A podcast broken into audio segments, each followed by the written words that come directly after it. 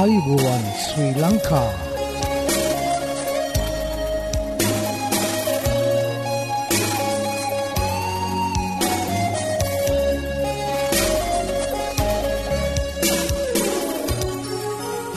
ඔබට සුපදවස මේ ඇඩවෙන්ටිස් වර්ල් රේඩියෝ බලාපොරොත්වය හඬයි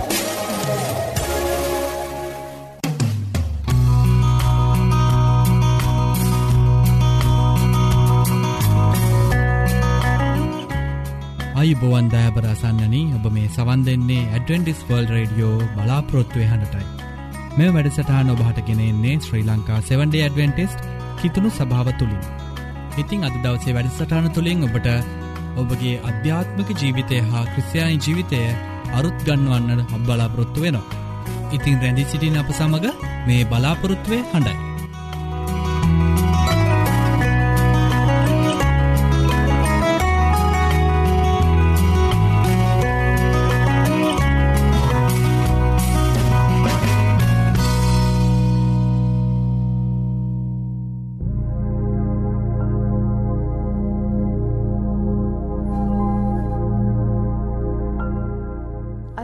බයිබල් පාටය ශුද්ධ වූ මතය උපතේ හයවැනි පරිච්චේදේ දහ නම වන පදය.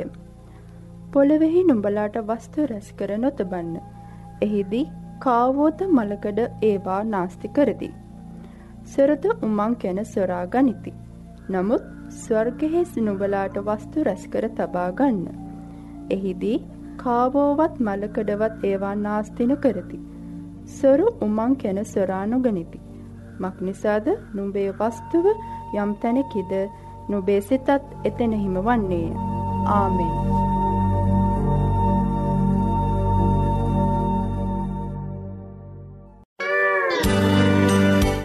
ආයුබෝවන් මේ ඇඩ්වෙන්ටිස් වර්ල්ඩ් රේඩියෝ බලාපොරොත්තු වෙනවා.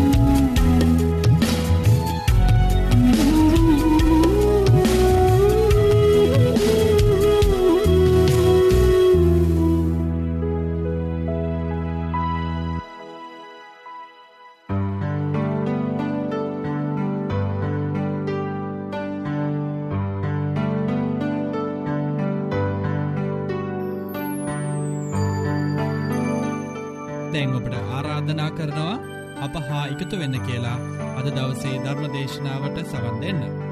අද ඔබට ධර්ම දේශනාව ගෙනෙන්නේ විලිරීත් දෙවගෙතතුමා විසින්.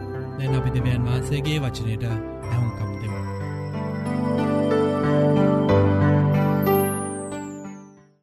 සුබ සන්ධ්‍යාවක් අසන්නෙන ඔබ සියලු දෙනාටම දෙවියන් වහන්සේගේ ආශිරුවාද ලැබෙත්වා. අද ඔබ සවන් දෙන මාතෘකාව ක්‍රස්තියානි භක්තිකයාගේ සිවිල් යුතුකම් යනුවෙන් තෝරාගෙන තිබෙනවා. ක්‍රස්තියානි බැතිමතුන් ලෙස අපේ නිජබිමවන අපේ උපන් රට වෙනුවෙන් ඉටුවේ යුතු යුතුකම් තිබෙනවා. අප උපන් රට අපි මැරෙන රට ශ්‍රී ලංකාවයි. රටේ සියලු දෙනාගේම යහපත සඳහා ආගම් බෙහෙද ජාති බෙහෙද කුල බෙහෙද නොතකා ඉන්දියන් සාගරයේ මුතු ඇටය ඉන්දියන් සාගරයේ පාරාදීශය යනුවෙන් හැඳින්වෙන ශ්‍රී ලංකාව ගොඩ නැංවීපට ක්‍රස්තියානි පුරවැසයාගේ යුතුකම් මොනවාද. දැනටමත් ඔබේ සිතේ මෙම ප්‍රශ්නය ඔබගේ මතකයට එන්නට ඇති නේද. අපගේ අධ්‍යාත්මික මානසික ශාරීරික සහ සමාජීය ජීවිතයට මඟ පෙන්වන සුද්ද බයිබලය අපට මේ ගැන පැහැදිලිකරදීමක් කර දෙනවා. අපේ ජීවිතයට ආදාළ ප්‍රතිපත්ති ගුණධර්ම සුද්ද බයිබලයේ දෙවියන් වහන්සේ අපට පෙන්වාදී තිබෙනවා. යහපත් ක්‍රස්තියානි පුරවැසියකු වශයෙන් අපි පිළිපැදී යුතු ප්‍රතිපත්ති තිබෙනවා.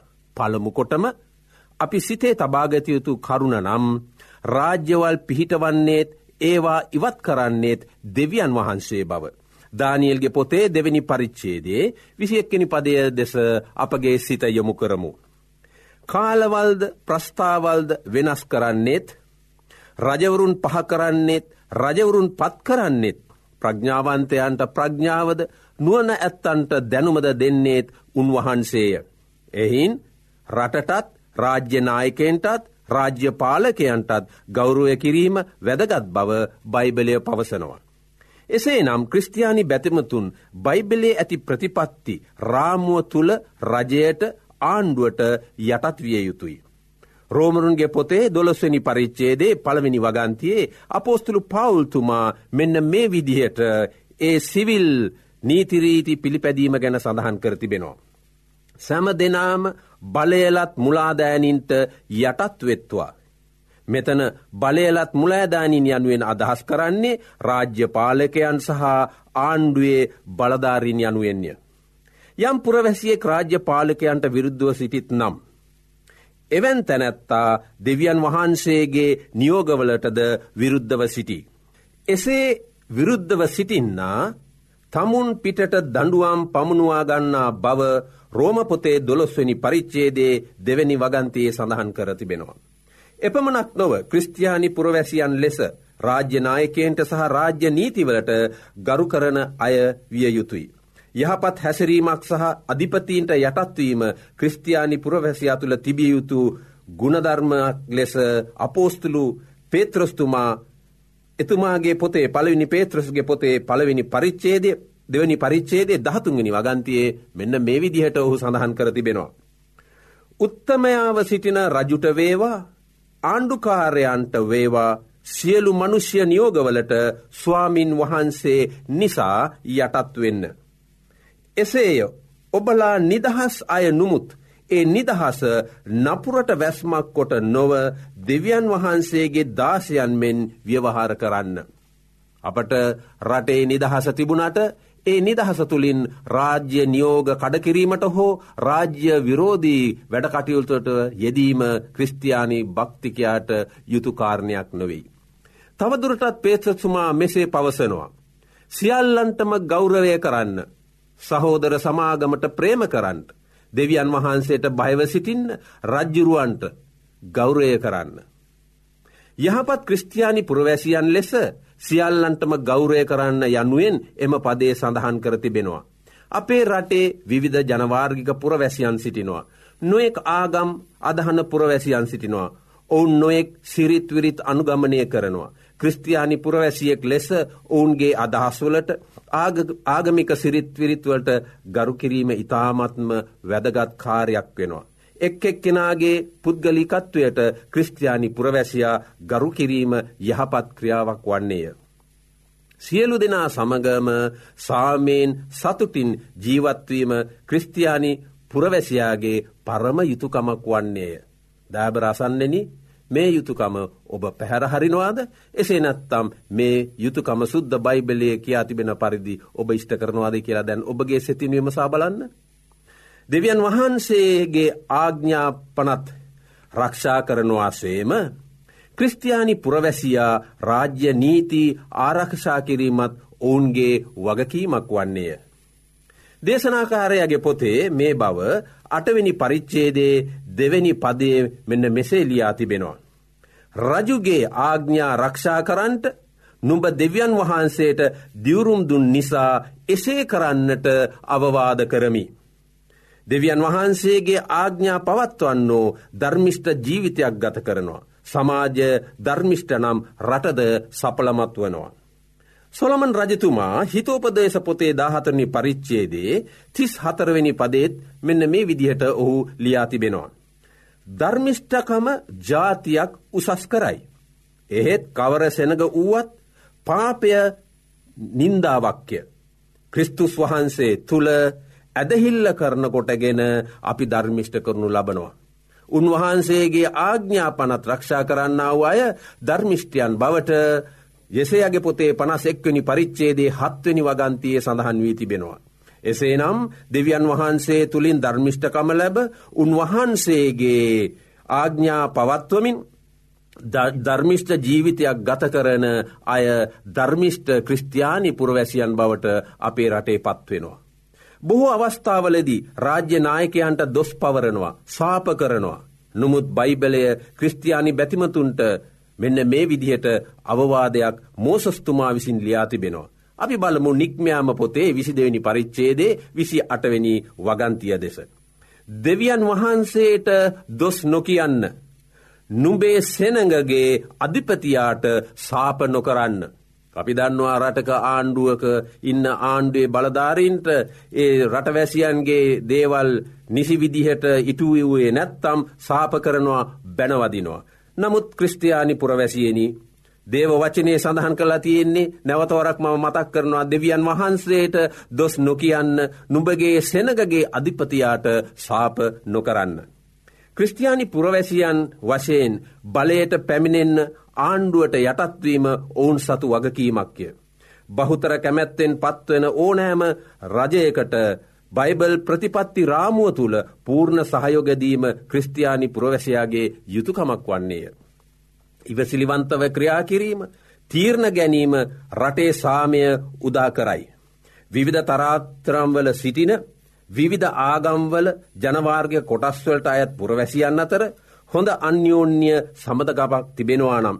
එනම් බේද ඉවතලා ආගම්වලට ගරුකොට අදහස්වලට ගරු කරනවා නම් නිදහස් රටක පුද්ගලීක නිදහසට ගරු කිරීමේ ක්‍රියාදාමය පවිතෙනවා. නම් එවිට රටේ සාමය උදාවන්නේ. බලන්ට ක්‍රස්තියානි පුරවැසියන් හැටියට නොෙක් ආගම් බෙහෙද කුල බෙහෙද තිබෙන්නාව අවස්ථාවකදී අපි කොයි ආකාරයෙන් ඉවසිලිවන්තව සියලු දෙනාටම සහෝදරත්වය තුළ අපගේ ආගම ප්‍රතිපත්ති රාමුව තුළ අපි ජීවත් වෙනවා නම් අන්න විට අපේ නිජබිම වෙන ශ්‍රී ලංකාවේ සාමය උදාවෙනවා නියතමයි.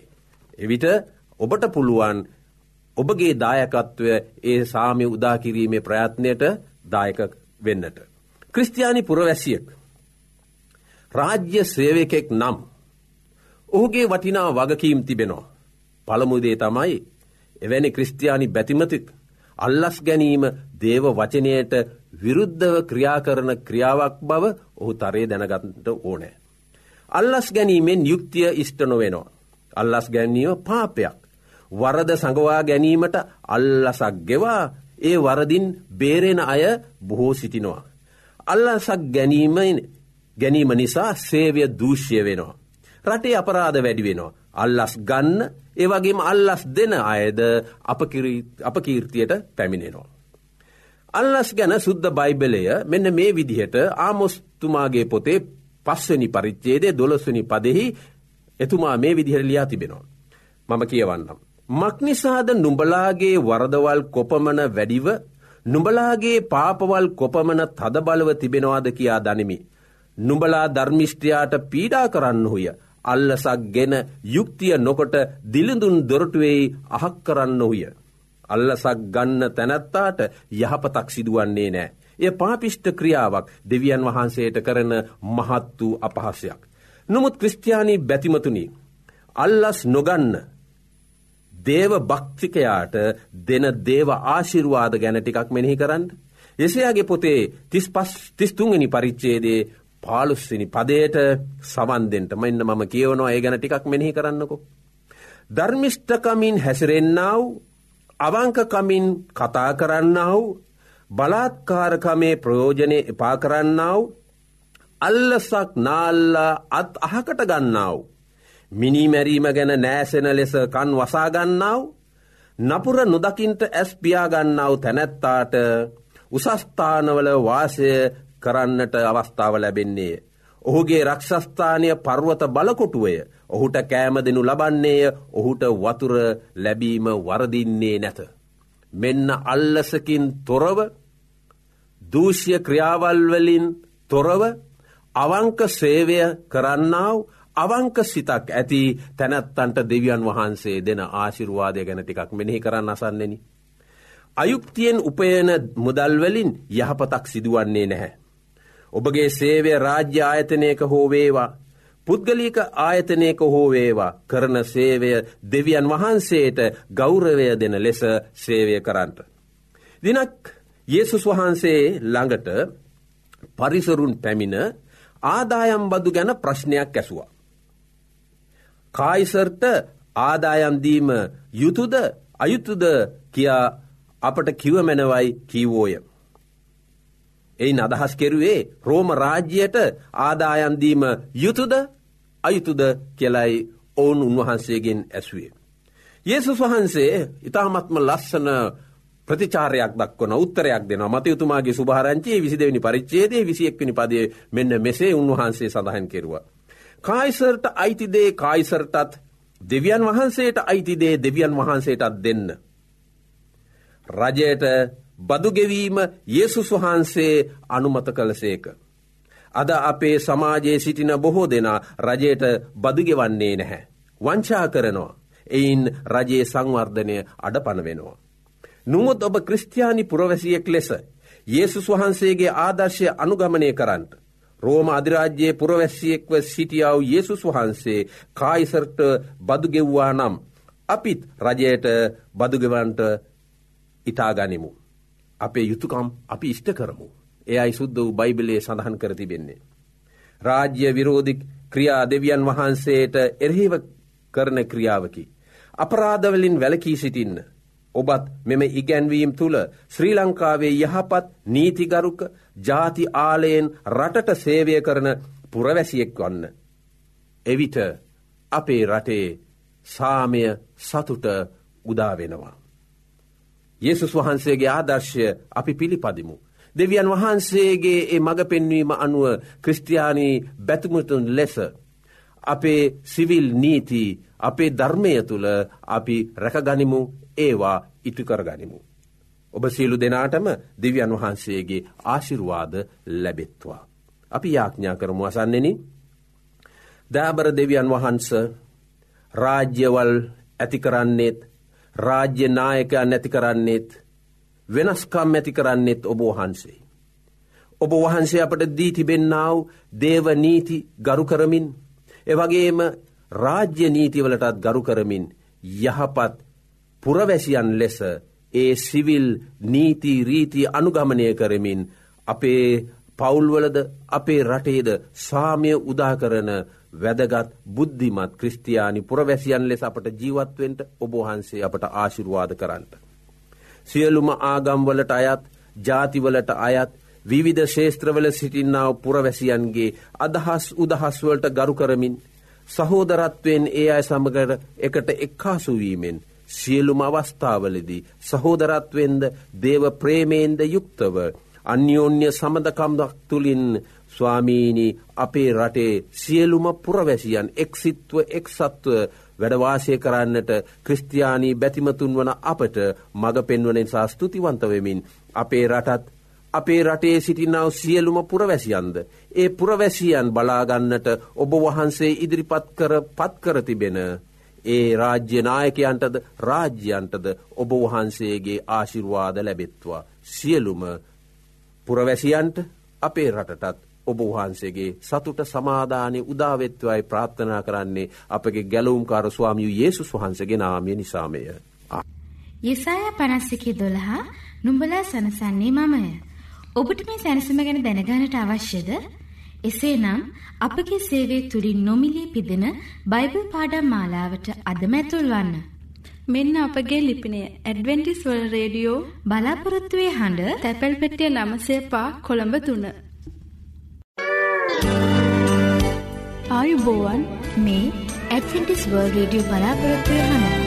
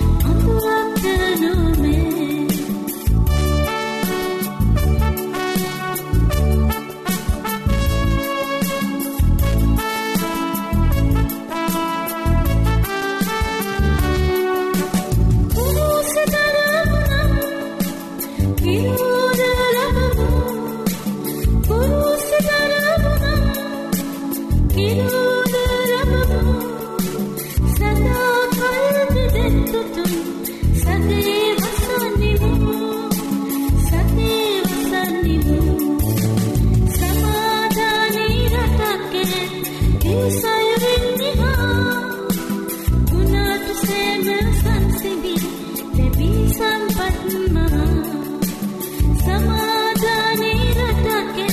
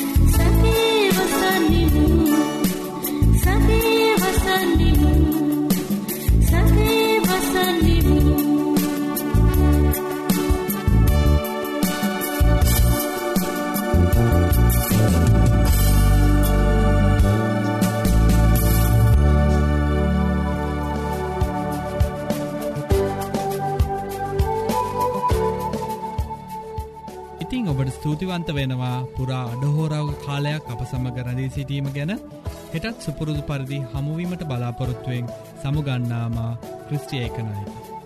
ඔබට දෙවියන් වහන්සේගේ ආශිර්වාදය කරුණාව හිමිවේවා.